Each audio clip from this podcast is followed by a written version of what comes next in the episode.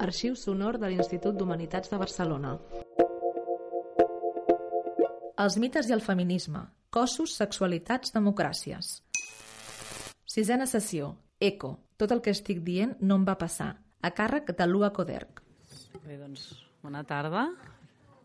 Benvingudes a l última sessió que fem del, del curs, que ens fa moltíssima, moltíssima il·lusió de fer-la amb la Lua Coderc, uh, que, és, que és artista, que també és docent, dona classes de pràctiques artístiques o treball d'investigació en pràctiques artístiques a la UB, a la Universitat de Barcelona, també a l'Escola de Disseny BAU, a la UOC, ara entès, també, que em deies, hi ha tot un no? en diferents, diferents espais. I la Lua treballa, ha fet nombroses exposicions a Barcelona, des de l'Espai 13 de la Fundació Miró, a la Capella, hi ha una de les últimes exposicions que està una mica en l'origen d'aquesta frase que dona títol avui a la seva ponència d'avui, que va fer, va ser l'any passat, una... Sí, 2018. 2018, a la Galeria dels Àngels, aquí al Raval a Barcelona, que era una exposició titulada No Tai, eh, no. Era, bueno, sí. de fet era la, la noia sense portar la boca. Sí, molt bé. fet. Sí. Inspirada en una... Bueno, o en part, un dels referents era una peça de... Molt clarament. Bueno, era, de fet, la noia sense portar la, a la boca és, és Eco, precisament. Sí.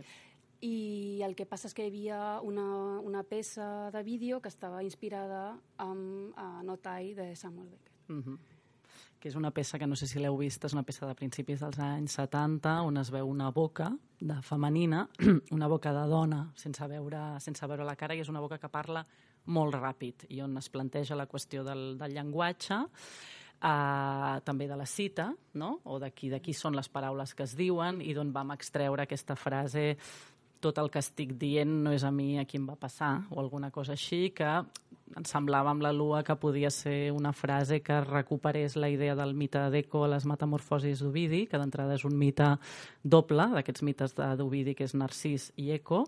Tot, tot té a veure amb el reflex, amb la duplicitat, Narcís amb la imatge i Eco amb, amb, amb, amb, la, el so, amb l'eco, i ens semblava que aquesta frase, no? tot el que dic no, no em va passar a mi a la primera persona, sinó que és un, d'una altra persona, estic repetint el que li va passar a algú altre, semblava que podia ser molt bona conclusió o concloure o llançar preguntes sobre aquesta qüestió de la paraula femenina o de les dones a dins tant de la tradició, de l'art, de la literatura, aquesta idea de repetir alguna cosa que no és pròpia o fins a on parlant en primera persona parlem en primera persona, etc.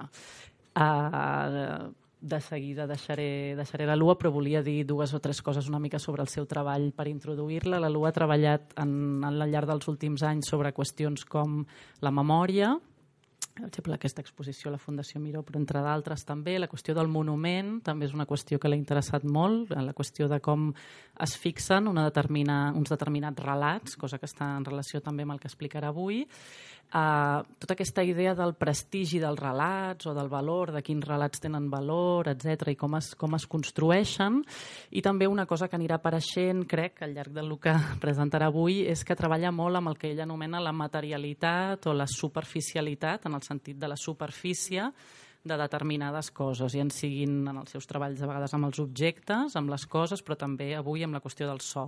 Mm. Crec que anirà apareixent aquesta idea d'eco, no? de la materialitat del so, és a dir, no només el contingut, sinó també sí.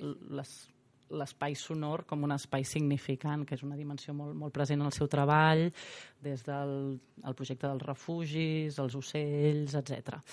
Uh, estem molt contents que hagis acceptat de venir a parlar i et dono la paraula i després parlem una miqueta. Molt bé, gràcies Joana. Eh, bona tarda a tothom. És, tinc una mica de problema ara, crec, amb la distribució de tot plegat. Sí, em sentiu més o menys bé? Sí? Vale, perfecte. Doncs això, moltes gràcies, Joana. I moltes gràcies al CCCB per, per acollir-me, també. Eh, llavors, l'aproximació al mite d'Eco que us duc eh, la faig i m'agradaria que això ho entenguéssiu, no, o sigui, no vull que es converteixi en un captatio benevolentia, eh? però ho faig, aquesta aproximació la faig des de l'instrumental de la pràctica artística, d'acord? Des de la pràctica de l'art contemporani.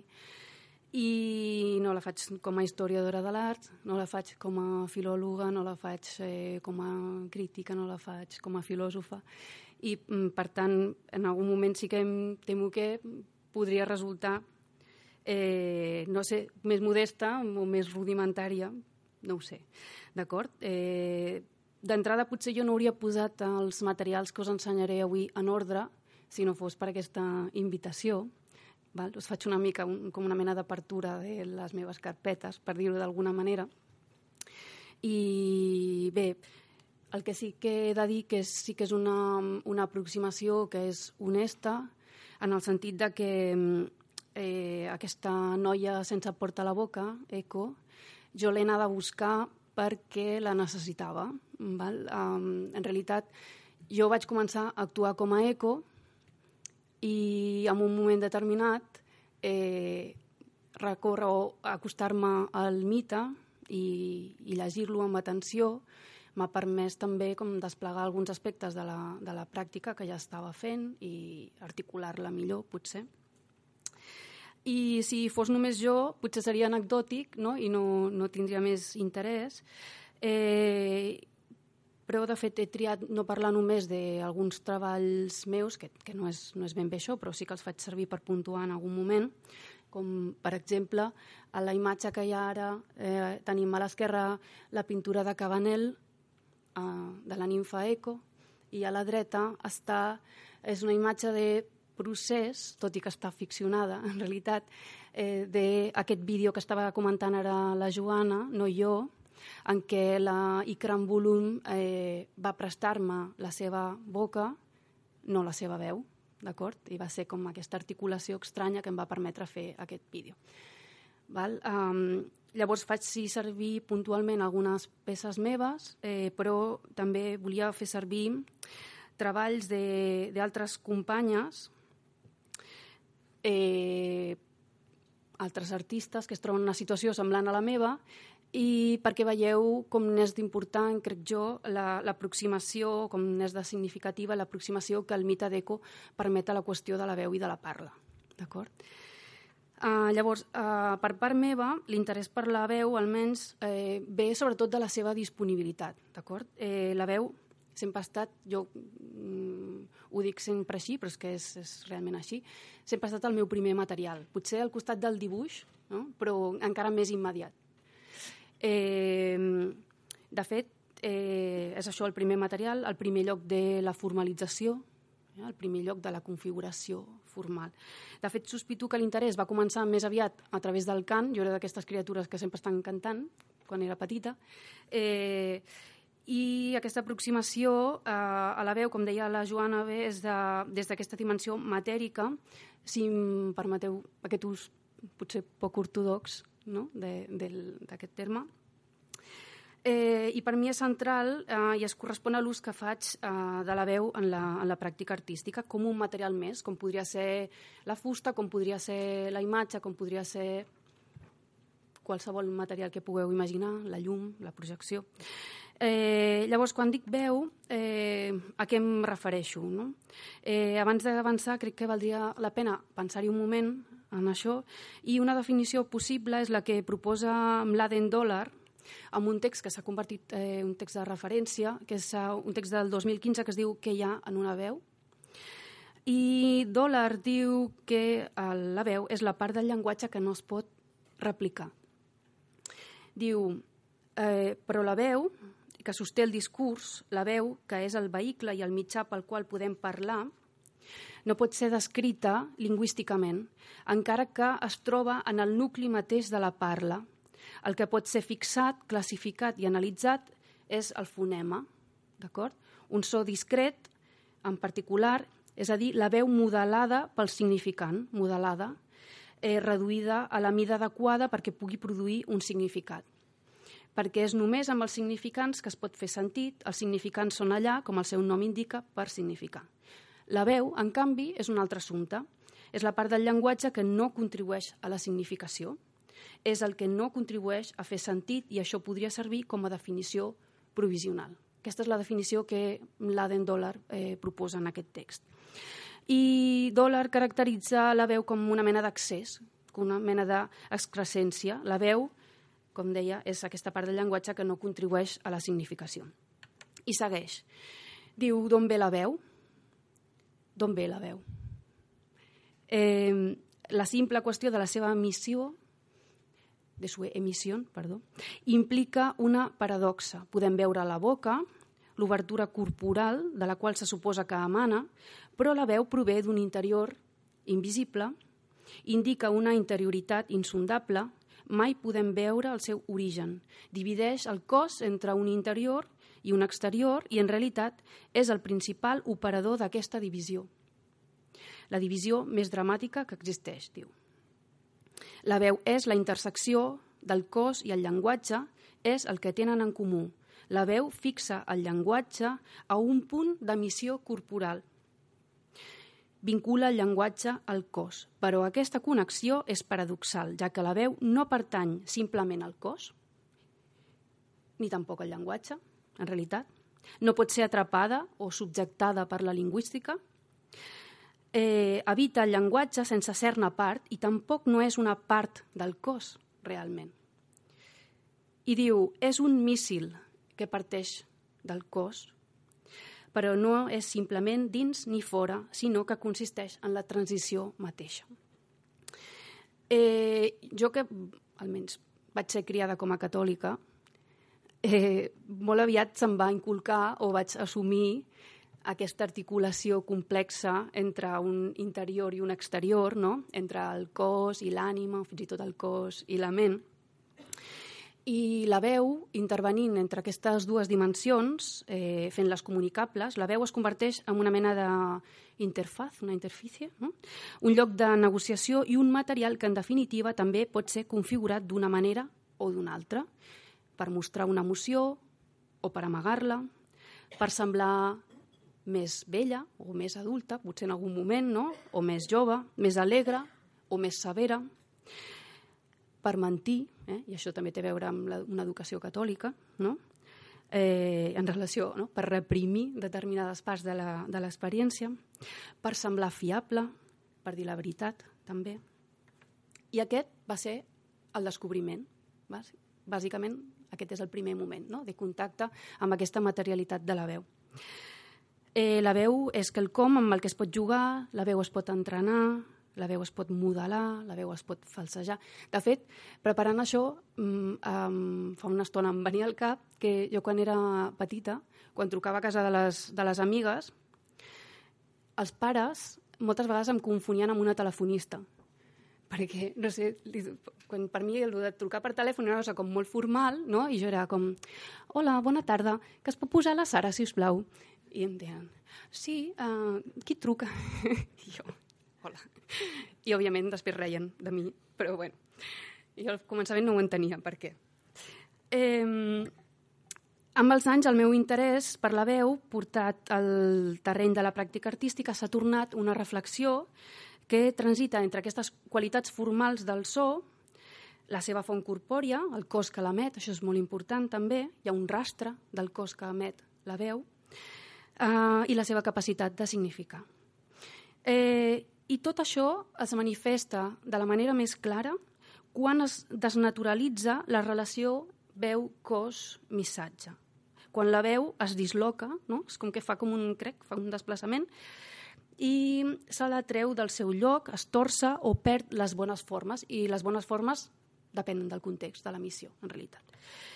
Um, llavors, és d'aquest desplaçament o d'aquest trencament que m'agradaria parlar-vos ara, perquè és d'aquesta manera com vaig anar a topar amb la ninfa Eco, eh, qui òbviament sempre ha estat aquí, no? perquè eh, la noia sense porta a la boca, el mite d'Eco, podríem dir, conté tots els trets d'aquesta dislocació i aquests trencaments o desajustos entre l'eix veu, cos, missatge, que us deia. Llavors, el mite d'Eco jo l'he conegut bàsicament eh, per mitjà de la caracterització que em fa Ovidi a les metamorfosis. Eh, llavors, no sé si ho teniu present, la Joana ho, ho deia, um, la història d'Eco eh, queda eh, lligada indissociablement, però jo encara diria més, queda eh, quasi dissolta, absorbida per la història de Narcís. Eh, aquest jove que sabeu que només es podia estimar a si mateix. Llavors, la primera vegada que escoltem parlar eh, d'Eco és el moment en què ella coneix, veu a Narcís. Eh, diu, una ninfa vocinglera que ni sabe callar cuando le hablan ni hablar ella misma la primera, la resonante eco. Aún tenía cuerpo eco. Val? Eh, eco, en el moment en què veu per primera vegada Narcís, ja no té la possibilitat d'iniciar una conversa, ja està condemnada a la repetició, però encara té un cos físic que l'acompanya. Eh, Eco ya en aquell moment podia repetir, eh? podia repetir d'entre muchas palabras solo las últimes, i aquesta és exactament la seva condemna. D'acord? No pot ni tan sols reproduir una enunciació completa, sinó només les últimes parts eh, s'anuncia aquest càstig. Eh, el càstig, no sé si sabeu per què és, que se la castiga. Eh, el càstig eh, ve per part de Juno i el motiu és perquè eh, Eco, la funció que ella complia diguem, dintre la, de la comunitat, eh, era distreure a Juno mentre les altres nimfes s'allitaven en Júpiter d'acord? Eco feia servir la seva gran capacitat, no? el, ser parlanxina, eh? aquesta verborrea, la feia servir eh, per entretenir a la deessa fins que les altres nimfes fugissin. Per tant, aquí ve el càstig de Juno. Eh, efectivament, el càstig consisteix en repetir el final de les frases i devolver les paraules que ha oído. Però en el moment en què ella veu a Narcís, s'enamora perdudament d'aquest jove i el segueix, el segueix per, per el, el monte. Um, llavors, ella es mor de ganes de parlar-li, però com sabeu, no pot fer-ho. Su naturaleza se lo impide, diu Ovidi, ràpidament això ja és la seva naturalesa, òbviament, no le permite empezar, pero eso sí le permite. Está presta para esperar sonidos a los que devolver sus palabras. Per tant, Eco està a la White de l'oportunitat. No? Llavors, ara us llegiré l'intercanvi de mm, frases que tenen Eco i Narcís, perquè són molt poquetes, d'acord?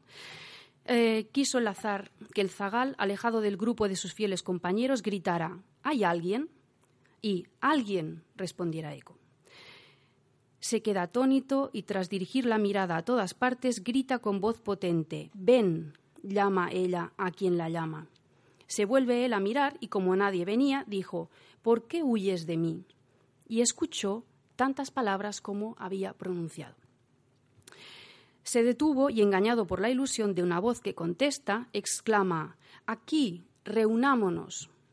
Y Eco, que jamás respondería con más gusto a ningún otro sonido, unámonos, repitió. I aquí, fatal. Aquí és quan la cosa va realment molt malament perquè en, el que diu Narcís és uc coeamus, jo no tinc ni punyetera idea de llatí, perdoneu, però m'he informat, eh, i la ninfa, que només repeteix la part final, però a més a més gustosamente, en aquest cas, diu coeamus, i sense aquest uc del davant, eh, coeamus al·ludeix directament al coit, i per tant eh, és eh, fora de lloc. I Narcís eh, realment eh, s'escandalitza i no, li causa repulsió directament.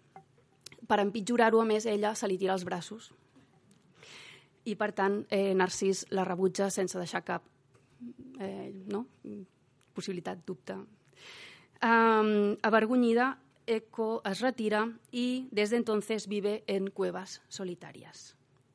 I aquí és quan comença el procés de la seva degradació física, perquè Eco finalment acaba perdent el cos que sostenia aquesta veu, i aquí sí que donen bastanta informació sobre com el, se li va dissolent el cos, no és, un, no és un procés així instantani, sinó que se li van, es va compensint, fins que finalment es converteix, eh, finalment només queden els ossos i la veu, no? i la veu perdura i els ossos eh, acaben convertint-se en una pedra. Es converteixen en mineral. Desde entonces se oculta en la selva y no se la ve por los montes, todo el mundo la oye, un sonido es lo que sobrevive de ella. Per tant, eh, eco es converteix en el fenomen físic de la reverberació. I això és tot. Això és tot el que hi ha d'eco, en realitat. Eh, de totes maneres, Eco sembla que vagi lluitant per aparèixer al text, no? en plan d'encara sóc aquí, perquè, efectivament, tot i que no té cos, no desapareix, i, segons la història de Narcís es desplega, la seva veu ressona encara un parell de vegades. La darrera vegada és just abans de que eh, Narcís desaparegui en busca de la seva pròpia imatge i Eco li fa la coda, no? És com en el moment, no? en el moment en què Narcís s'enfonsa a l'aigua, al decir adiós, adiós, dijo también Eco. Ja està. Això és tot. I això, la història d'Eco sempre ha estat eh, subordinada a la història de Narcís, el Narcís i el narcisisme. La quantitat de literatura que s'ha produït sobre Narcís és eh, infinitament superior que la que s'ha produït sobre Eco. De fet, és molt interessant que la història d'Eco ha estat llargament ignorada, tot i que, òbviament, eh, ha aparegut en, múltiples, en múltiples ocasions. Fins i tot aquells que la reivindiquen o la recuperen també parlen més de Narcís que d'Eco, sempre, no?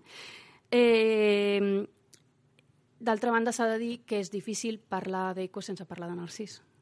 Podem veure, no sé, Derrida o Spivak, que han, han fet un esforç de, no? de recuperar aquesta figura. Doncs, si ho penseu, eh, si bé la història de tots dos és la història d'una ressonància o d'un miratge, eh, passa que Eco sempre està en falta, no? Eco és estructuralment dependent d'un altre. Eh, aquesta és la seva natura, com diu Vidi. Necessita un complement per activar-se.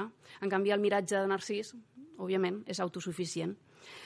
Llavors, jo volia fer un esforç per examinar els trets d'Eco, eh, podríem dir el que el mite ens permet pensar.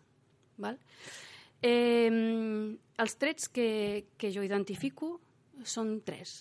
Eh, el primer seria la inadequació. Eco ens permet pensar una veu que és o té més so que paraula. Val? Inadequació. El segon tret és la incontinència. Eco ens permet pensar una veu que no és tant una veu silenciada com una veu desplaçada. No li treuen la possibilitat de parlar, sinó de tenir un control sobre el que diu. I finalment, el mite d'Eco, un cop hem assumit la pèrdua de control sobre la pròpia parla, ens permet tornar al logos d'una manera bastant insospitada. No? En tercer lloc, el tercer punt, podríem parlar d'irresponsabilitat. Eco ens proposa una veu que és l'instrument d'una veritat accidental, no ho sabem, o, en tot cas, una veu que aparentment no posseix el sentit del discurs. Doncs comencem amb, amb la inadequació. Eh, si us sembla, no, examinem aquests trets i deixeu-me que els posi en relació amb, amb lectures, amb referents, amb treballs d'artistes i bueno, altres materials potser una mica heterodoxes. Llavors, deixeu que faci una, una breu digressió personal bastant tonta, però que em permet eh, introduir aquesta qüestió de la inadequació. Això era el 92, el 93 o el 94, una cosa així. Eh, vaig viatjar eh, encara com una nena, no? amb, amb la meva àvia, amb el meu germà petit, per visitar uns familiars que vivien a Ginebra, a Suïssa. I era Setmana Santa i mentre estàvem allà vam coincidir amb una mena de festa que jo recordo, però potser recordo malament, era com la festa de la música, una cosa així. Val?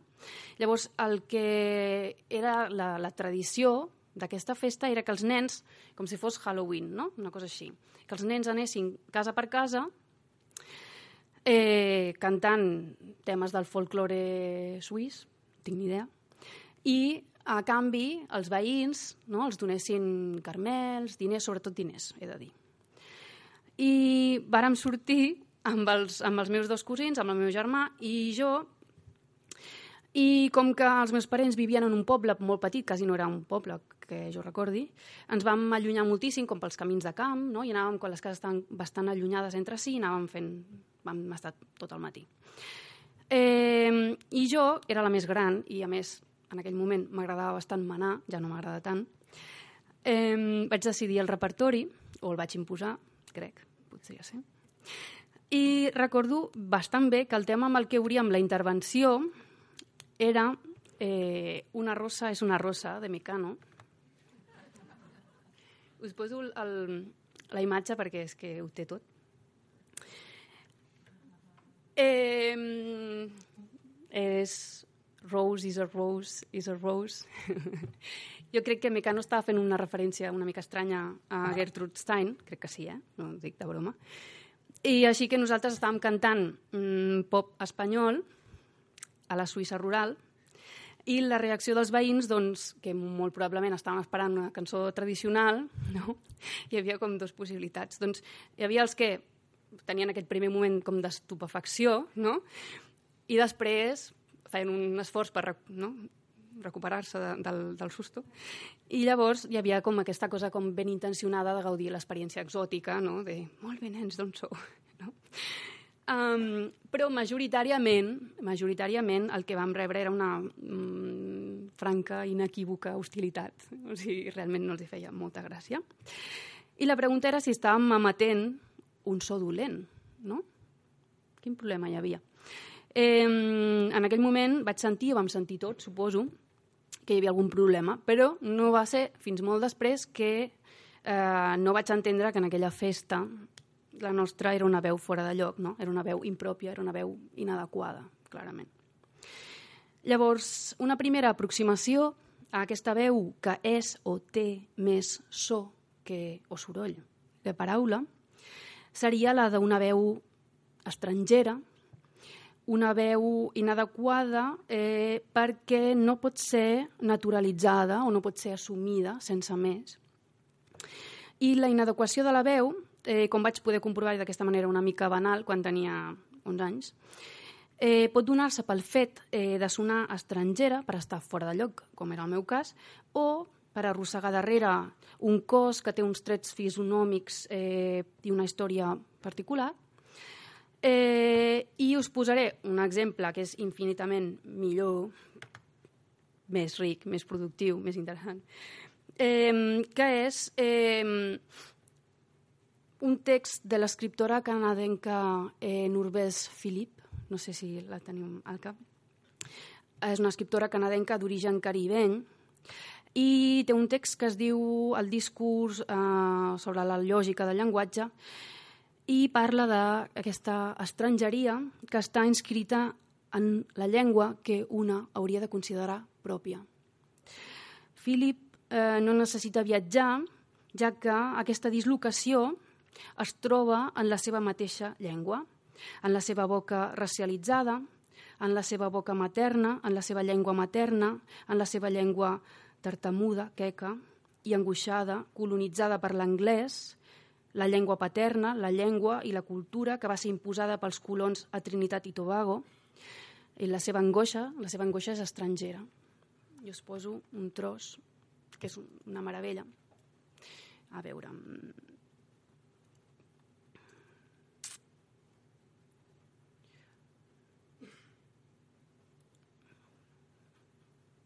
I think I'll just read a poem from She Tries Her Tongue, since uh, some of you may know it.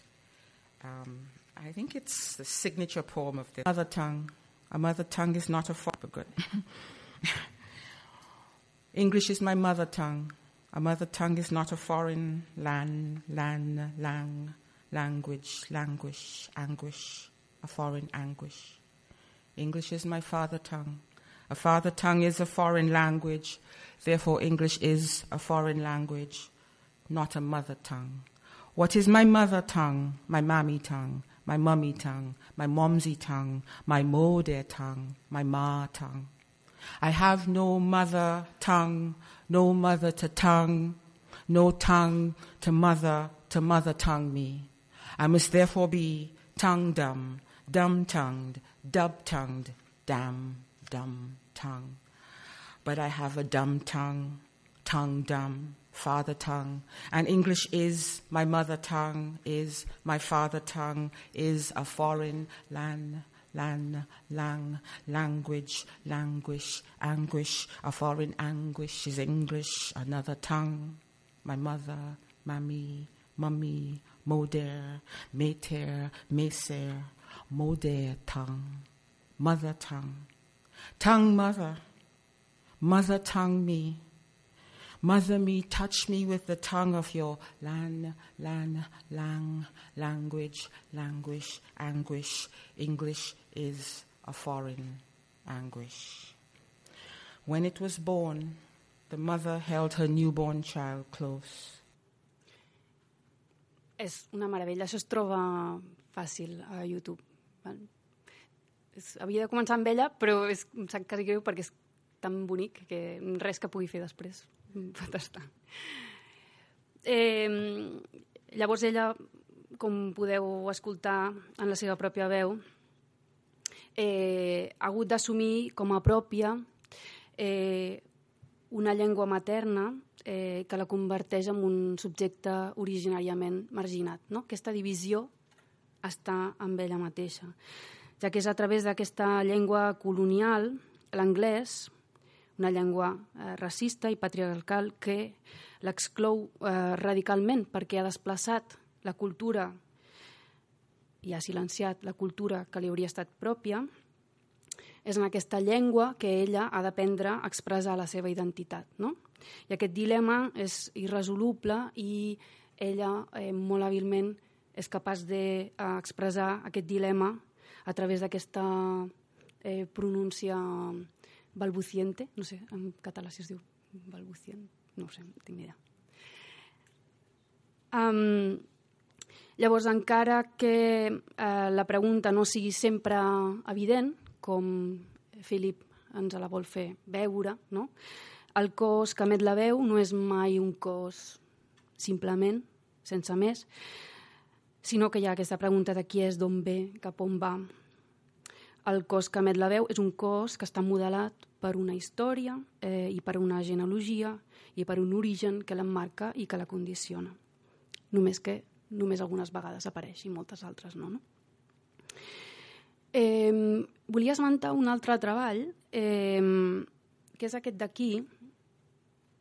És un llibret de Clàudia Pagès, que es diu Ràbia, eh, llar i insults, Rage, Home and Insults.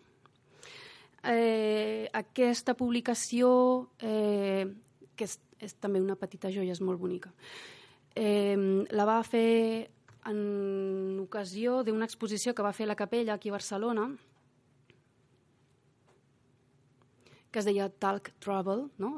problemes de, de parla, i en el seu cas ella parla dels de anys que ha estat eh, visquent eh, com a precària aspirant artista, a, a, en el seu cas a Països Baixos, van a, a estudiar a Sandberg, i parla de la impossibilitat d'expressar-se com ella sap fer en la seva llengua materna i de tot el diguem, totes les, les problemàtiques en les que ella es va trobant arran d'aquesta impossibilitat d'expressar-se com cal. No?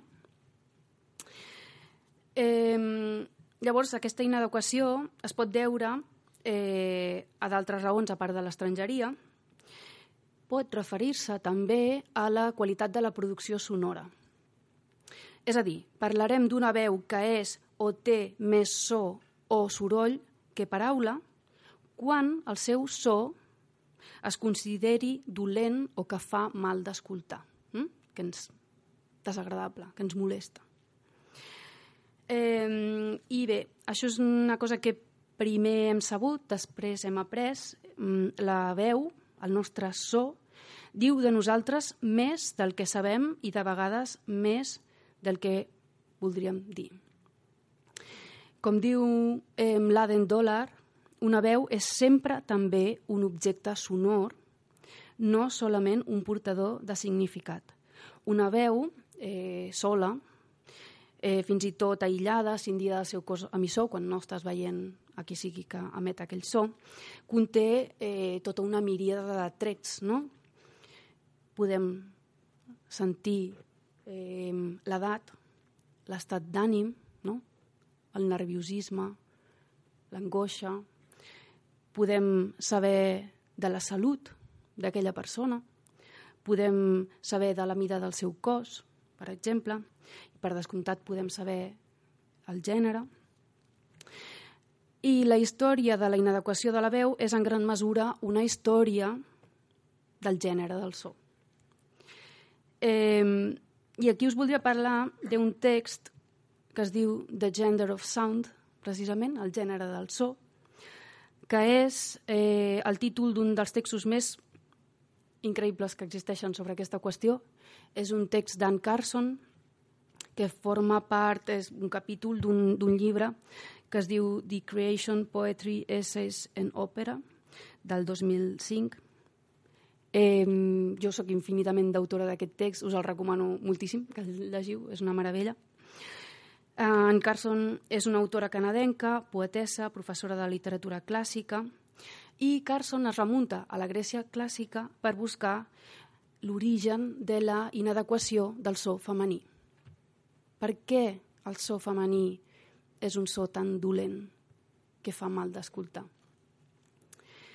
Aquesta inadequació respon en primera instància a la consideració que està molt, aïllada, molt arrelada perdó, culturalment de que només els homes eh, poden accedir a la més alta realització de l'espècie humana, és a dir, el logos. I això ho fan precisament a través del so, a través de l'articulació de la veu. I Carson diu la definició formal de la naturalesa humana preferida per la cultura patriarcal és la que es basa en l'articulació del so, com diu Aristòtil, qualsevol animal pot fer sorolls per donar compte del plaer o del dolor. Però el que diferencia l'home de la bèstia i la civilització de la natura és l'ús del discurs racionalment articulat, el logos. Llavors veureu, això que està tan assumit culturalment, eh, aquesta associació entre veu masculina i logos i veu femenina i natura, de l'altra, és ubiqua, és omnipresent, en la nostra cultura i la podem trobar, de fet és molt interessant que la podem trobar formulada de manera negativa i de manera positiva també. Eh? O sigui, el que passa és que això no es mou, eh? les caselles són les mateixes. Eh, si la sentim formulada de manera negativa, per exemple, aquí és Carson citant Eurípides, diu, eh, diu en, en general les dones de la literatura clàssica són una espècie donada a l'emanació desordenada i incontrolada de sons crits, laments, plors, sons aguts, rialles, crits de dolor, de plaer, en general, crues erupcions d'emoció. I Eurípides diu, ja que és un plaer innat per a la dona tenir les seves veritables emocions emergint per la boca i sortint de la seva llengua. Val? O també ho podem veure caracteritzat de manera positiva, com en el cas de Dòlar, que diu el portador d'una veu pura i genuïna resulta ser una dona, la veu més enllà del logos, amb l'oposició sexualment determinada entre el logos masculí i la veu femenina. Val? Aquí és un elogi, però seguim estant allà mateix. El resultat és sempre el mateix, com us dic, no totes les veus han de ser escoltades de la mateixa manera.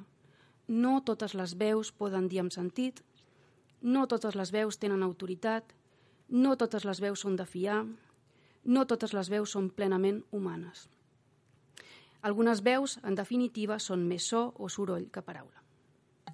I un exemple particularment clar sobre aquesta prevalença del so sobre el missatge és la forma particular, i quan dic particular vull dir particularment intensa, d'escrutini a la qual se sotmet la veu de tota aquella dona que accedeix o aspira a accedir a posicions de poder efectiu en l'esfera pública. Eh, per exemple, són molt coneguts els casos de Margaret Thatcher o de Hillary Clinton, per exemple. Eh, us podria ensenyar. Totes dues han estat criticades eh, per tenir veus de mestressa de casa, cridanera i manaire. No m'ho invento, eh? vull dir que és així. I, per exemple, la Greta Thunberg tampoc se salva d'això. Aquí no, veiem, hi ha alguna cosa escalofriante no? Com de, sobre, no? de la Greta Thunberg, que és la seva veu monòtona. I aquí diu This young woman sounds increasingly like a millenarian weirdo, no? com un, un rarit, un millennial raro, no? Que a part, encara pitjor, perquè a més a més eh, hi ha alguns trets de la seva parla que tenen a veure amb un trastorn de l'espectre autista, no? Però vull dir que aquí la tenim. Eh, doncs, com sabeu, i és una cosa que a més em penso que s'han fet... La, jo no l'he vist, la pel·lícula sobre la vida de Thatcher, però sembla que existeix. Eh, doncs tant Thatcher com Clinton es van sotmetre a processos de, de perfeccionament eh, i reeducació de la parla per aconseguir baixar, sobretot, el seu to de veu i resultar menys feridores i ofensives, cosa que, per descomptat, mai eh, van haver de fer els seus iguals masculins. Per exemple, no us poso el vídeo, però us ensenyo un pantallazo d'un vídeo que el podeu trobar també molt fàcil, que és la ciència darrere de per què la gent odia la veu de Hillary Clinton. No? I fan un, un anàlisi pormenoritzat eh, de la raó profunda per la qual resulta tan molesta la seva veu, que és com cap raó, però... Llavors, us ensenyo. Former British Prime Minister Margaret Thatcher provides a voice case study for British impressionist Steve Nallon. This is Thatcher in 1960, when she was a new Member of Parliament. Oh, very much so. I've done a good deal of other speaking, but speaking in the House of Commons is quite different. It's a unique experience. It really is because of. of What's really interesting about Thatcher here, I mean, she's so young, she's in her early 30s, and uh, for anybody, you know, in their early 30s, your voice is always a lot younger sounding. And it really is very, very high up here. Over the years, that was brought lower because it doesn't sound as good. It sounds patronizing. Very, very high. Fast forward to the year 1983, and she has just won a second term as Prime Minister.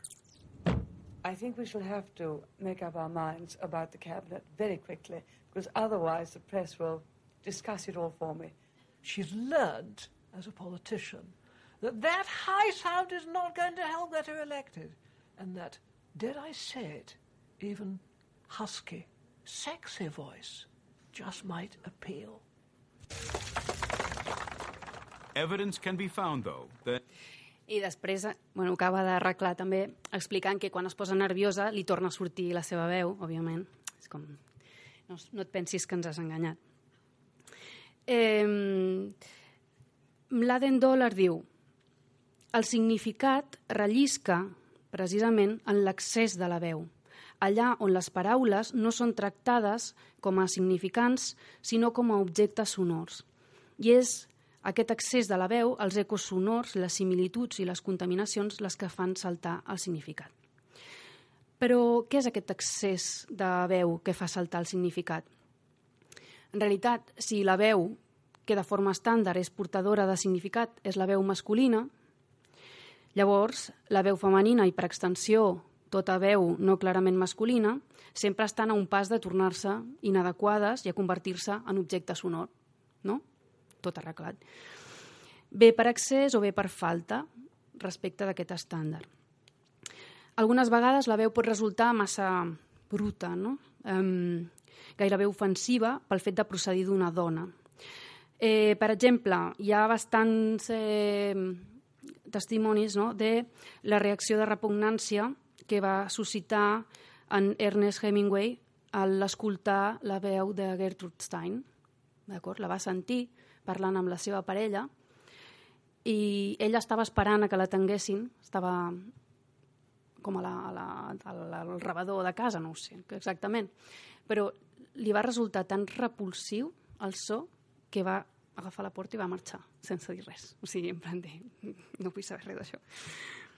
Eh, I, de fet, la veu de Stein era sempre caracteritzada com anormal, com una veu d'animal, una veu com de bestiar, una veu com de bistec.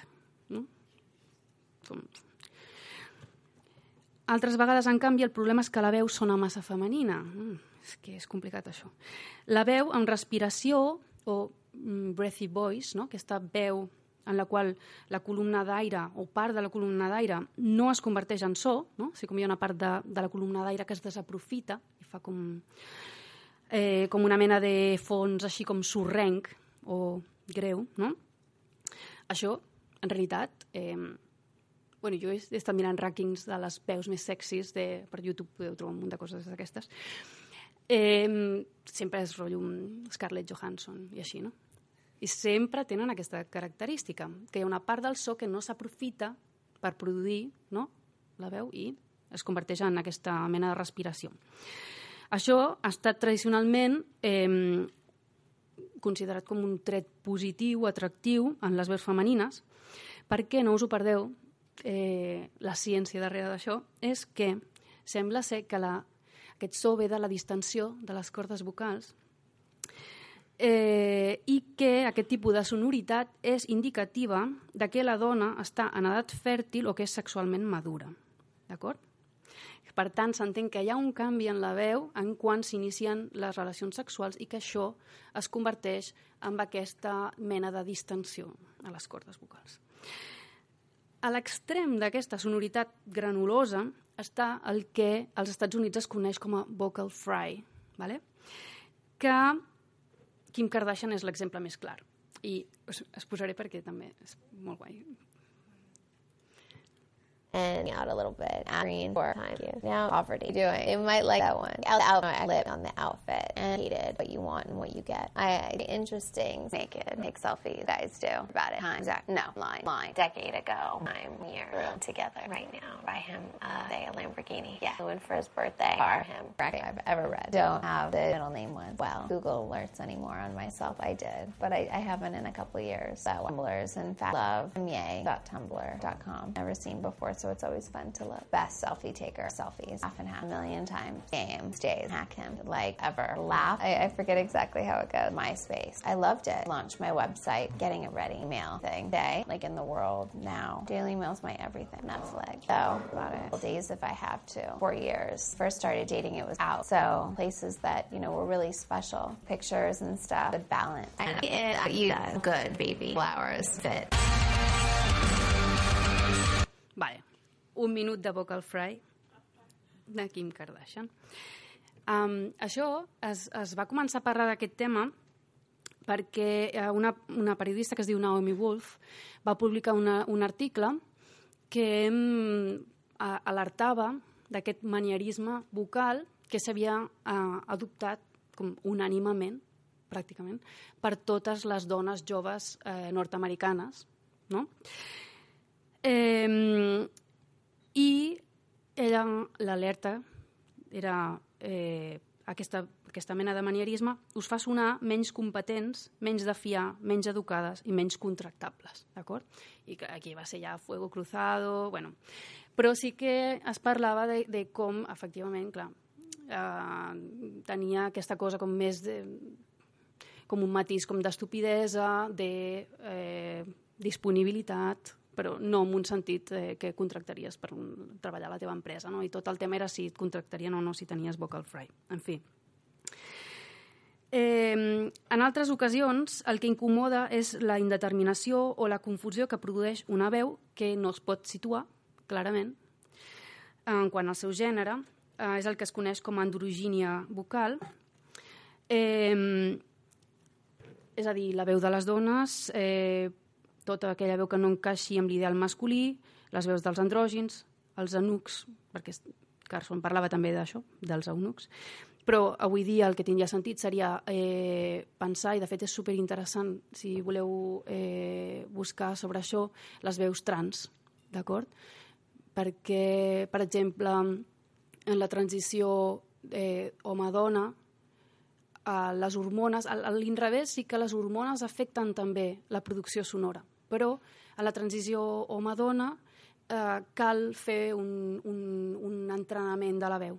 Costa molts anys arribar a fer pujar la veu d'aquí, no? portar-la, el que feia aquest senyor quan parlava de la veu de Margaret Thatcher, que deia, it's up here, no? pues fer-la fer, -la, pujar. Eh, Llavors, totes aquestes veus són veus que tradicionalment no se senten de manera pacífica en el lloc de l'anunciació, són veus que no es poden naturalitzar com a so, són veus que es posen al centre. Eh, però no és només eh, incomoditat el que produeixen aquestes veus divergents o simplement deficients, sinó que des de l'antiguitat un so dolent d'escoltar és també un so eh, malevolent. I Carson diu, Aristòtil ens diu que el to agut de la veu femenina és una evidència de la seva disposició malvada. D'acord. Llavors, eh, la qüestió és que hi ha aquesta insistència, no?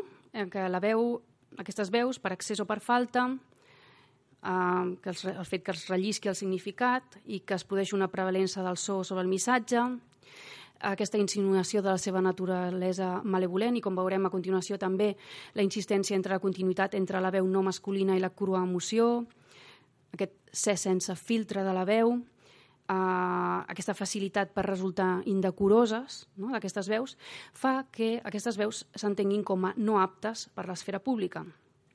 I això és el que ens porta al segon punt que us deia al començament, que és, dos, la incontinència.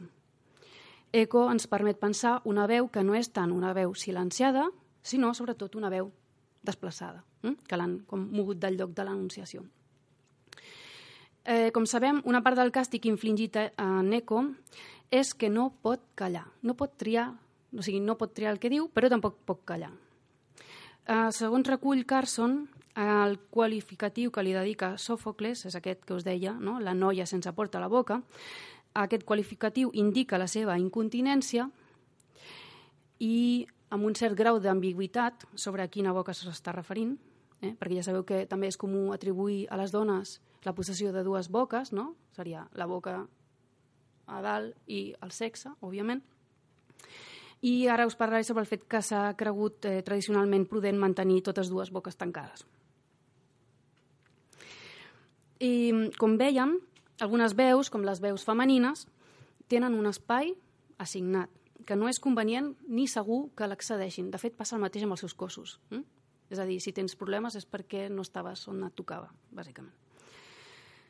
Eh, per aquesta raó, algunes veus són desplaçades als llocs que es consideren adequats per a elles. Aquest desplaçament pot ser especial, no? La veu pot ser relegada fora de les ciutats. Per exemple, en aquest cas, Carson parla dels rituals eh, que eren exclusivament femenins, que sempre eren fora de, de la ciutat, no? perquè eren coses que eren grulleres. No? Um, pot ser a l'esfera d'allò que no es parla públicament, pot ser a l'espai domèstic o també, com m'assenyala Mary Beard, um, el seu text uh, sobre la veu pública de les dones, també pot ser a les seves habitacions. Uh, Ibert uh, recupera un passatge que prové de l'origen de la tradició literària occidental, eh, un fragment de l'Odissea d'Homer, ni més ni menys, en la qual el jove Telèmac, que és un nen, encara, li diu a la seva mare, que és una do dona adulta i perfectament capaç, li diu eh, que vagi a atendre les seves coses, no? sus labores, i reclama per a si la capacitat de parlar i també el control de la casa. Diu exactament, el discurs serà assumpte dels homes, de tots els homes i sobretot meu, perquè meu és el poder en aquesta casa. I ella se'n va, puja les escales i se'n torna a les seves coses. Eh, I en relació a aquestes ocupacions poc transcendents, no? eh, pel que fa al, al govern de la casa, que feina n'hi ha, però sembla que depèn de quina. Us volia esmentar el treball d'una altra artista, també molt propera, eh, que és la Laia Struck, que... A veure, us ensenyaré. Us volia parlar d'això. Això és la, la partitura. És un treball que es diu Food. Això és ella performant. I ara us posaré un fragment. Eh, en relació a aquest ocupar-se de la banalitat, Eh, aquesta peça, que és de 2014-2015, que és, eh, són gravacions com d'assajos vocals, això és el que us posaré a un trosset, però també són mm, performances que es poden veure en, en viu. A la Tàpia es va fer, per exemple, alguna d'aquestes performances. i estan basades en eh, la lectura obsessiva d'un llibre anglès de 1919, del que no sabem ni el títol ni l'autor, i el llibre és eh, una, un seguit de recomanacions que s'adrecen a la dona britànica eh, aconsellant-la sobre com cuinar i eh, tenir cura de la casa. Es poso un trosset.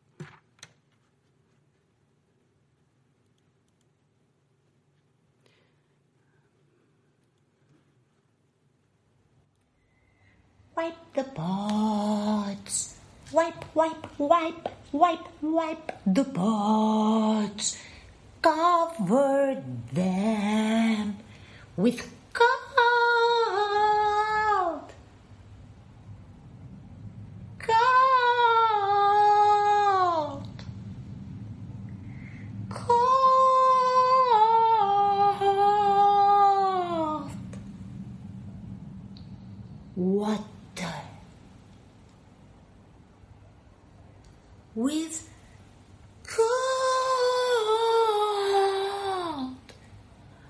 water. Signal, signal, signal.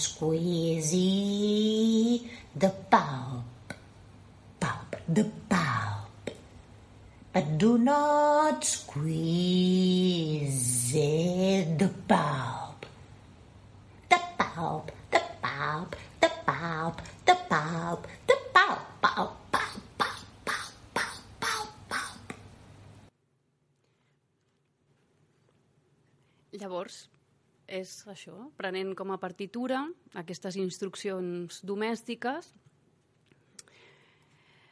Eh, us poso un, una altra. Aquesta és meva.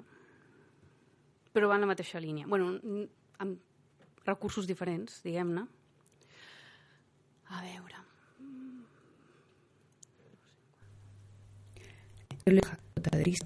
Habría con agua, que es azul o azul sea, negra o tinta negra, sería moqueta.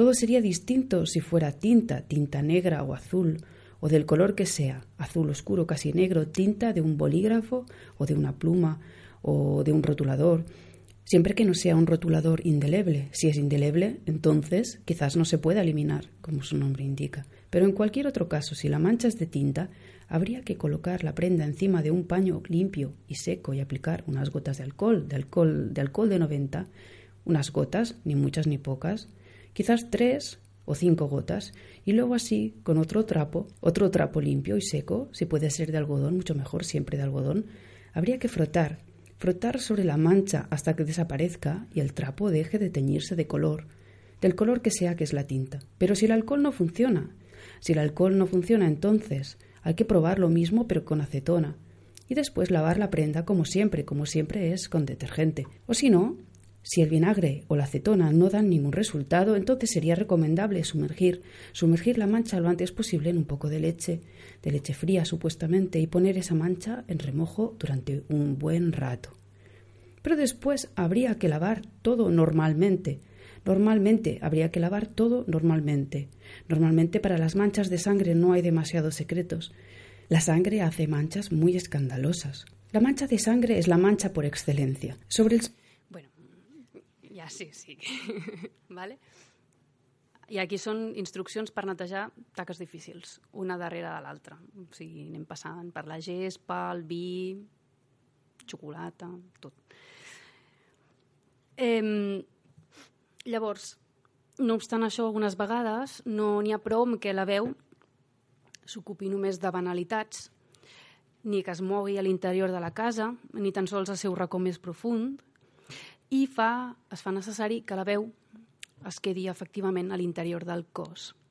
I les solucions aquí són múltiples, des del silenciament a la mutilació, com sabem. Uh, Mary Beard esmenta dos casos, esmenta Caia Frània.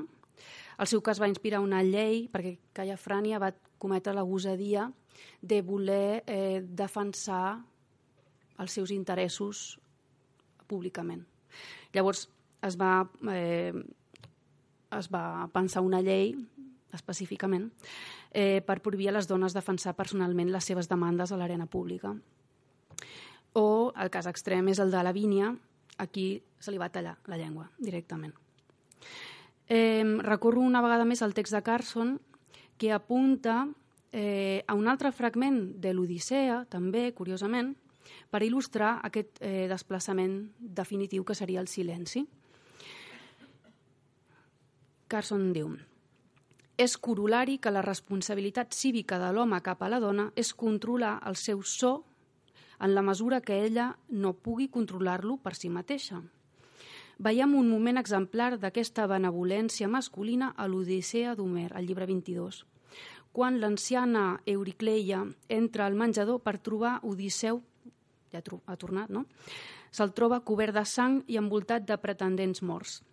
Euricleia, que el reconeix, aixeca el cap i obre la boca per pronunciar una ololiga, que és aquests eh, cants de joia. Hm? Exclamació de, de goig, seria. Eh, Odisseu estén una mà i li tanca la boca i li diu no pots cridar ara, alegra't interiorment. I, clar, alegra't interiorment és calla, ¿no? Regocíjate interiormente. Eh, I la raó per fer-la callar és que les dones no tenen una cosa que es diu sofrosine, que és autocontrol, que és la capacitat de controlar el seu so entre d'altres aspectes de la seva persona. Eh? La sofrosine no s'aplica només al, al, al so, però és una de les seves components importants. Eh, I segueix Carson. Qualsevol so que matem és una petita autobiografia.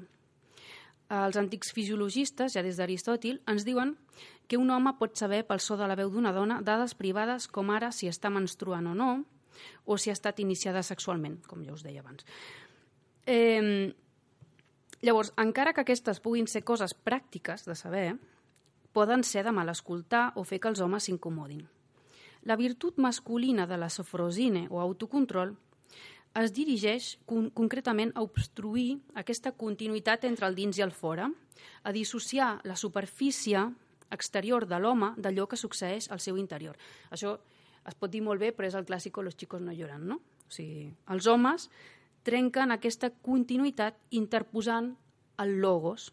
És el principal sensor no? a través de l'articulació racional del so. I, com diu Sòfocles, i aquí deixem el tema, l'ordre de la dona és el silenci i la castedat. Això va inclòs, però ja se sobreentén, diguem-ne. Eh, el 2012 em, em vaig inventar, eh, o vaig apropiar-me, eh, un personatge que era aquesta noia sense porta a la boca, que era efectivament Eco, i la noia sense porta a la boca patia d'aquesta incontinència verbal i d'aquesta manca de criteri com una possibilitat d'explorar discursos aliens sense fer-me responsable del seu sentit. Era un, un, un instrument. I amb ella eh, vaig fer diverses coses, no? Vaig fer algunes peces de veu, com ara una que es diu Siempre podemos seguir siendo amigos, que consistia en la interpretació d'un guió amb fins a 100 frases que s'utilitzen habitualment o de manera convencional per acabar una relació sentimental. I jo amb això el que volia fer era explorar eh, el llenguatge eh, prenent com a punt de partida el llenguatge que està més esgotat, no? el que ja pràcticament no vol dir res, eh, buscant un efecte de sinceritat, eh, podríem dir, eh, procurant tornar a omplir aquestes frases d'una veritat com a mínim aparent. Llavors vaig fer dues versions. Una la vaig fer jo, que és la més antiga, aquí només tenia 70 frases, i després, el 2018, eh, va tornar a aparèixer Eco i li vaig demanar a Anya Novak, que és una performer, que llegís un nou guió amb fins a 100 frases, que és com la versió definitiva. També tenen caràcters una mica diferents.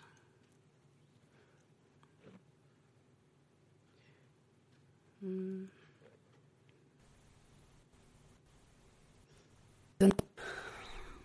Nos hemos conocido en un periodo muy complicado de mi vida.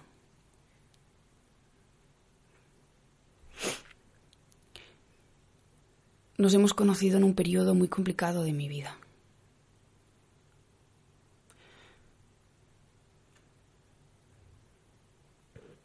Nos hemos conocido en un periodo muy complicado de mi vida.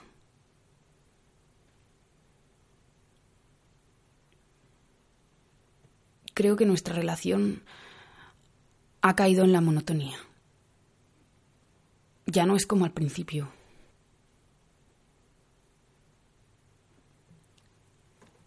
Creo que nuestra relación ha caído en la monotonía. Ya no es como al principio. He hablado con mis amigas y creemos que lo mejor es que lo dejemos por un tiempo.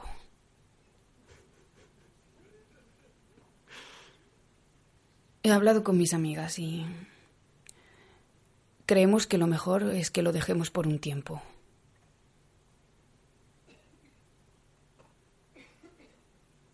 Es que no tenemos la misma escala de valores. Es que no tenemos la misma escala de valores. He notado que últimamente te has dejado un poco.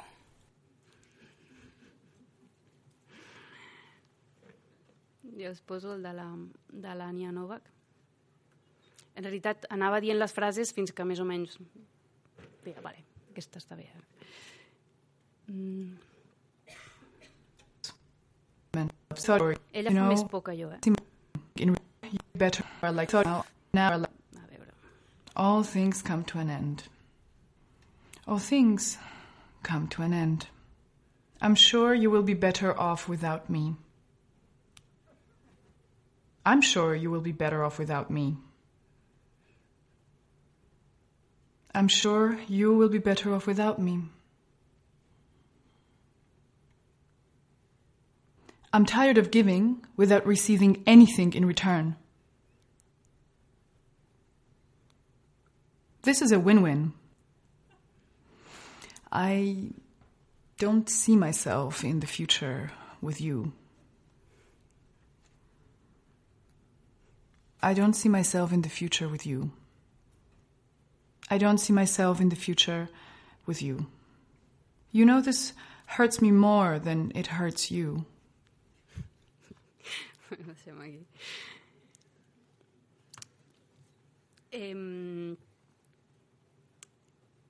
Aquesta noia sense porta a la boca eh, la vaig recuperar el 2018 per fer aquesta peça que deia ara la Joana, No jo, que és una peça videogràfica que, eh, com sabeu, bueno, partia al seu torn de l'obra eh, teatral i cinematogràfica, també de Samuel Beckett, de 1973, per a la qual l'autor eh, va eh, fer servir la boca prodigiosa de Billy Whitelaw. Si alguna vegada podeu veure el reportatge que hi ha sobre com es va fer això, és fantàstic, és una passada. Jo encara no entenc com, com ho va poder fer. Eh, en tot cas, la referència a la peça de Beckett queda molt llunyana. De fet, jo no la vaig tornar a veure fent això. O sigui que... Però sí que vaig utilitzar també el recurs de la boca descontextualitzada perdó, i aliena i el recurs de la repetició, la desemantització, resemantització a través de la repetició, que és un recurs que la ninfa Eco i Beckett comparteixen.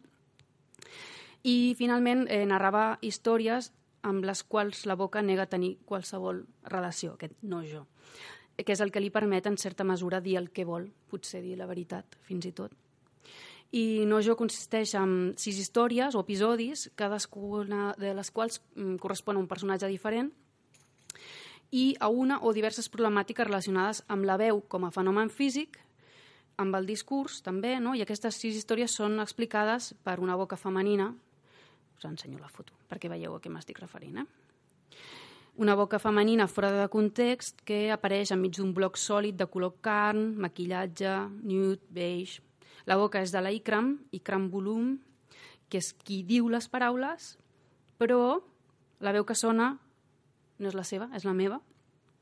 I el desajust o la discrepància entre aquestes dues coses eh, es resol normalment violentant la imatge. No? Jo, de fet, li dona una aparença una mica mecànica perquè jo havia de ralentir o accelerar per, perquè encaixés la, la pronúncia. Sigui, és com una mena d'encaje de bolillos per dintre eh, l'edició d'això.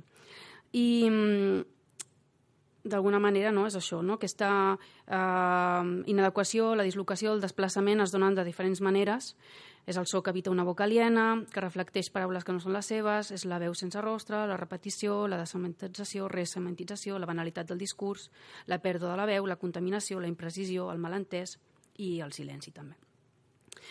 Llavors, com és sabut, eco és la veu dislocada per antonomàsia, també un exemple d'incontinència, com vèiem, en diversos sentits. Primer, i abans de ser condemnada per Juno, eh, pel fet de ser barbosa i xerraire, capaç d'entretenir a la deessa perquè les altres nimfes es poguessin allitar amb Júpiter, després, un cop castigada per la seva gosadia, per haver de repetir sempre sense remei les paraules, les paraules dels altres i per no poder callar a voluntat. I finalment, després de ser rebutjada per Narcís, per consumir-se com a cos fins a tornar-se només una veu.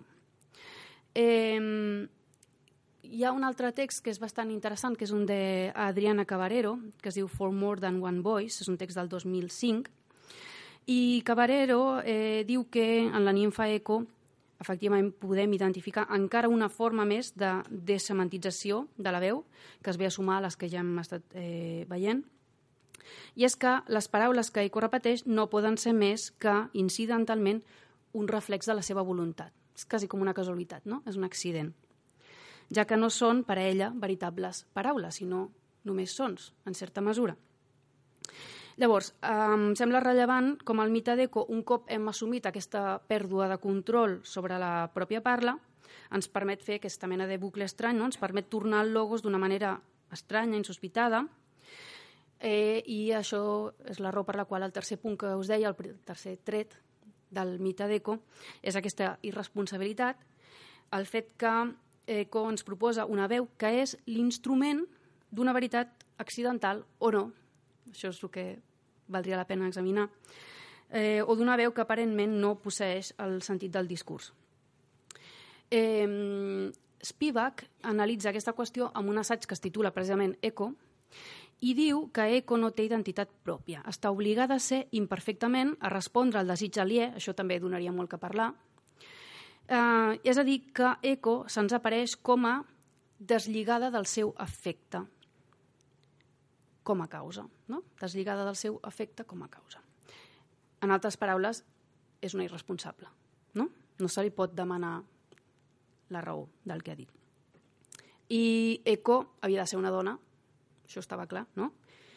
Narcís, en canvi, no. De fet, és molt curiós perquè el narcisisme com a patologia, per exemple, ha estat identificat o exemplificat molt sovint en la tradició psicoanalítica mitjançant figures femenines, curiosament. Eh, doncs Cabarero, aquest eh, per més d'una veu, no? aquesta cap a una filosofia de l'expressió vocal, diu la veu d'eco no és una veu que canta o que narra, sinó una veu que resulta com un mer material residual de la sostracció del registre semàntic del logos més que repetir les paraules, eco repeteix els seus sons. Que, per cert, jo, una cosa que no m'ha quedat clara, i de fet el mite no t'ho permet aclarir tampoc, és si el timbre és el seu o no. Això no ho sé. Perquè ella repeteix les paraules i podríem dir que els accents, les intensitats, els ritmes, segurament són els que venen donats, no? Però no? el, el gra de la veu, que diria Bart, no? el seu timbre hi és o no hi és? Això no ho sabem. Uh, Cabarero dona per fet que no. Ella diu que la veu d'Eco no és, de fet, la seva veu, no posseix un timbre inconfusible, no assenyala una persona única, i és veritat que en relació a la història de Narcís tindria sentit, no? Ja seria com el colmo, no? Del... Llavors, la seva parla només té sentit per casualitat. La seva veu ha estat buidada de qualsevol component semàntic. La seva repetició o revocalització del que li ve donat és una desemantització. I són els altres els que troben sentit el que ella diu.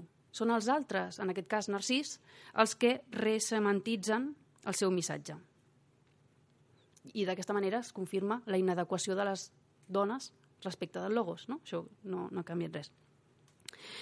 Llavors, Eco no pot escollir les seves paraules i l'assumpció que fem és que no pot parlar. Però, i aquí seria el tema, en certa mesura també hem de reconèixer que Eco arriba a transcendir aquesta impossibilitat, perquè Eco, si revisem el que sabem de la seva història, aconsegueix dir el seu amor, no? aconsegueix expressar-lo, comunicar-lo. I m'interessa com a acte creatiu, no? Um, seria com una mena de punt intermig entre el sí puc i el no puc. No? De fet, hi ha un text de, de Jean Verboert que es diu Exhaustion and Exuberance que vindria a ser això. És un no puc performat en la clau d'un sí puc. No? És com que transcendeix aquesta impossibilitat. Hi ha una cosa que hauríem de tenir en compte, que sabem que Eco no era una xerraire qualsevol. De fet, Eco era capaç d'entretenir els déus amb la seva parla. És a dir, que era una xerraire bastant extraordinària, segurament. Eh, I podem pensar que Eco va conservar aquesta habilitat, tot i que condicionada per la iniciativa narcisista. No? Potser no la va perdre, aquesta habilitat. O, almenys, això podem pensar eh, si ens basem en el fet que les paraules que diu Eco s'alineen amb les seves intencions. Eh, Derrida, per exemple, que ha explorat aquesta qüestió, diu de manera astuta, Eco gestiona el llenguatge de Narcís per apropiar-se'l. Ella parla de manera que les paraules d'ell es converteixen en seves. Desplega la seva repetició de manera estratègica, o potser fortuita, diu, per, cria, per crear un simulacre de conversa, una tècnica d'intercanvi que dona el resultat que busca. En repetir el llenguatge de l'altre signa el seu propi amor. I Misuta, amb un altre llibre que es diu Cinema Without Reflection, afegeix el llenguatge no ha de ser propi perquè sigui adequat. Es pot evitar, segons Derrida també, el discurs d'un altre i posseir-lo com un fantasma, o més aviat com a mitjà i desplegar-lo al servei de l'expressió d'un mateix. Ja estic acabant, eh? Aquest ús astut de la repetició, intencional, podríem dir quan la intenció semblava esgotada, està contingut, s'ha de dir, en el propi joc de paraules que proposa Ovidi. Que, per cert, la sensació que dona és que Ovidi s'ho passa bé fent això, aquest joc. Um, és el propi Ovidi qui planteja Eco com un instrument d'una veritat que no depèn de la intenció, d'una veritat accidental, com dèiem, i Eco treballa en el límit de la, de la constricció, en el límit del càstig. No? Uh, Spivak, de fet, va una mica més enllà i parla d'una transgressió textual d'Ovidi quan diu que és el propi autor qui li deixa fer una repetició imperfecta que no s'ajusta al càstig. Perquè el càstig, com sabeu, és podía repetir de entre palabras solo las últimas, ¿vale? Però quan Narcís diu «¿Por qué huyes?», «¿Por qué huyes de mí?», diu, Ovidi diu «Y escuchó tantas palabras como él había pronunciado». Quan, en realitat, en comptes de «Por qué huyes de mí?», que és el que Eco diu, entenem, diu, no, hauria d'haver dit «huyes de mi» o «huye de mi», això depèn de la traducció. En anglès seria «huye de mi», seria una ordre, D'acord? Eh, llavors sembla que hi ha una elecció en la no elecció d'Eco, no? Hi ha com una mena de... Eco, atenent les articulacions particulars del narcisisme, sembla que estigui esperant el so adequat per poder tornar-li les seves pròpies paraules. No? no és simplement un mecanisme automàtic, sinó que ja conserva encara una certa capacitat de dir, tot i aquest càstig. No? Llavors, el mite d'Eco ens permet eh, aproximar-nos a la veu des del seu accés, des de la seva falta, des de la seva insuficiència, des de la seva subordinació, fins i tot des de l'obediència. I veiem això, Norbès Philip, Laia Struck, Clàudia Pagès, però també Ariana Guiteras, Hanne Lippard, Irene Haiduk, n'hi ha moltes, que han pres les seves veus d'aquesta manera inadequada, incontinent, irresponsable, han trobat d'aquesta manera les seves veus i les fan servir, les estan fent sonar. De manera que Eco ens permet pensar una veu que és o té més so que paraula i aprendre a fer-la servir en la seva inadequació. Dos, ens permet pensar una veu desplaçada, però també trobar maneres de desbordar els reductes del seu confinament. I tres, Eco ens permet pensar una veu que, des de la impossibilitat, des d'un llenguatge que no és el seu, òbviament, és capaç de dir, a pesar de tot, eh, les seves veritats. I això és tot.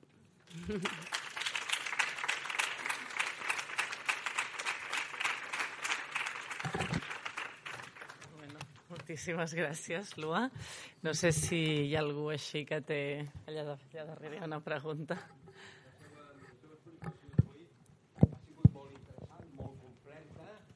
Eh, però jo només vull entrar en una, en una cosa, un punt anecdòtic. La pregunta és la següent. La veu que hem sentit de la Kim Kardashian és que a mi m'ha resultat molt desagradable. És la seva verdadera o està trucada? És la seva. Això és, és algú que s'ha dedicat, ha concentrat en un minut, ha fet un minut de vocal fry de la Kim Kardashian. Bueno, hi ha gent per tot, però vull dir que, que sí, sí. És simplement anat agafant aquestes cues, aquest allargament en què fa aquest, aquest so com granulós. És la seva, sí. No, no, però molt. molt, molt. Sé si hi ha altres preguntes. I potser per concloure una mica, per mi, clar, m'ha ressonat molt l'inici de, del curs que vam fer amb tot el tema de la Demeter, les mares en dol, és a dir, tot el que deia Nicole Logó, és a dir, quines són les dones que poden cridar en públic, es poden fer mal als enterraments per mostrar un crit de dolor, és a dir, una mica tot el que Mm, estava sí, sí. dient la Lua sobre el tema de si són dones que expressen raonadament el seu dolor, no passa res, però això no passa a Grècia, perquè les dones criden, es queixen massa, llavors cal crear, com havíem explicat, doncs, tota aquesta jerarquia del que poden fer les dones, no poden vestir ni blanc ni negre, perquè són els colors del dol, tot és els matisos d'entremig, els grisos, els marrons, etc. no? que té a veure amb la gradació de... Les dones criden, també inclús amb la Lu havíem sortit a parlar des de, no? des de les sirenes fins a les histèriques del segle XIX, no? Alhora tota aquesta idea de que el fet de que les dones des de la tradició grega cridin és alguna cosa que se'ns explica i se'ns narra, però nosaltres no hem sentit aquests Mm. crits. És a dir, així com podem tenir a partir del segle XIX, no? comentàvem amb la Lu l'altre dia, fotografies de com les histèriques que criden, expressen el seu malestar, simptomatitzen, tenim una iconografia, Mm. el so és alguna cosa que no hem pogut d'entrada enregistrar més enllà del que són els relats, la literatura, la sociologia, la història, etc. No? Per tant, em sembla en- encara més interessant no? tota aquesta línia de la Lua que té a veure amb una materialitat sonora que és justament aquella de la que no hem pogut fer l'experiència, com a no, més enllà del, del text, no? I justament d'alguna manera ens confronta a haver d'accedir a lo que és escrit a través de lo que és la paraula, perquè és la tradició clàssica, Sí, sí. són textos, i llavors ens parla d'un crit, però és a través de textos, no a través de crits, no? Sí. Bueno, I d'alguna manera sempre s'està rejugant no? tradició patriarcal, logos, paraula parlada, articulada, Mhm. masculina i crit, histèria, malestar, no? Sí, sí. plor, Sí, llanto... no, I monstruositat, perquè també és això, Clar. és una constant, no? Les sirenes, les gòrgones, o sigui... Tot... Mhm. De fet, la monstruositat eh, es caracteritza a través del so, sobretot. Mhm. Mm -hmm. Tots aquests personatges femenins cèlebres de la literatura clàssica. Mhm. I bueno, tota aquesta idea de quin és l'ús que se'n fa, no? És un ús que es, es fa d'aquest- d'aquest u- no? d'aquesta divisió entre eh, crit art- inarticulat i paraula articulada, un ús repetitiu, és a dir, tornem a, con, no? a comprovar que les dones estan relegades al costat del monstre, del crit, de l'inarticulat, de l'irracional, etc. o se'n pot fer, com estava intentant doncs, dibuixar la Lu al final, un ús subversiu, és a dir, aquesta idea de repetim amb diferències, és a dir, podem fer un ús subversiu d'aquesta no? d'aquesta Mhm. d'aquest partage, d'aquesta divisió o d'aquesta Mhm. contradicció, no? Sí, sí. No sé si algú vol preguntar alguna cosa més, no? Doncs moltes, moltes gràcies, Lua. Eh, moltes gràcies per haver assistit als cursos. Ha estat un plaer, jo he après moltes coses i espero que puguem seguir una mica més endavant en aquesta línia. Moltes gràcies.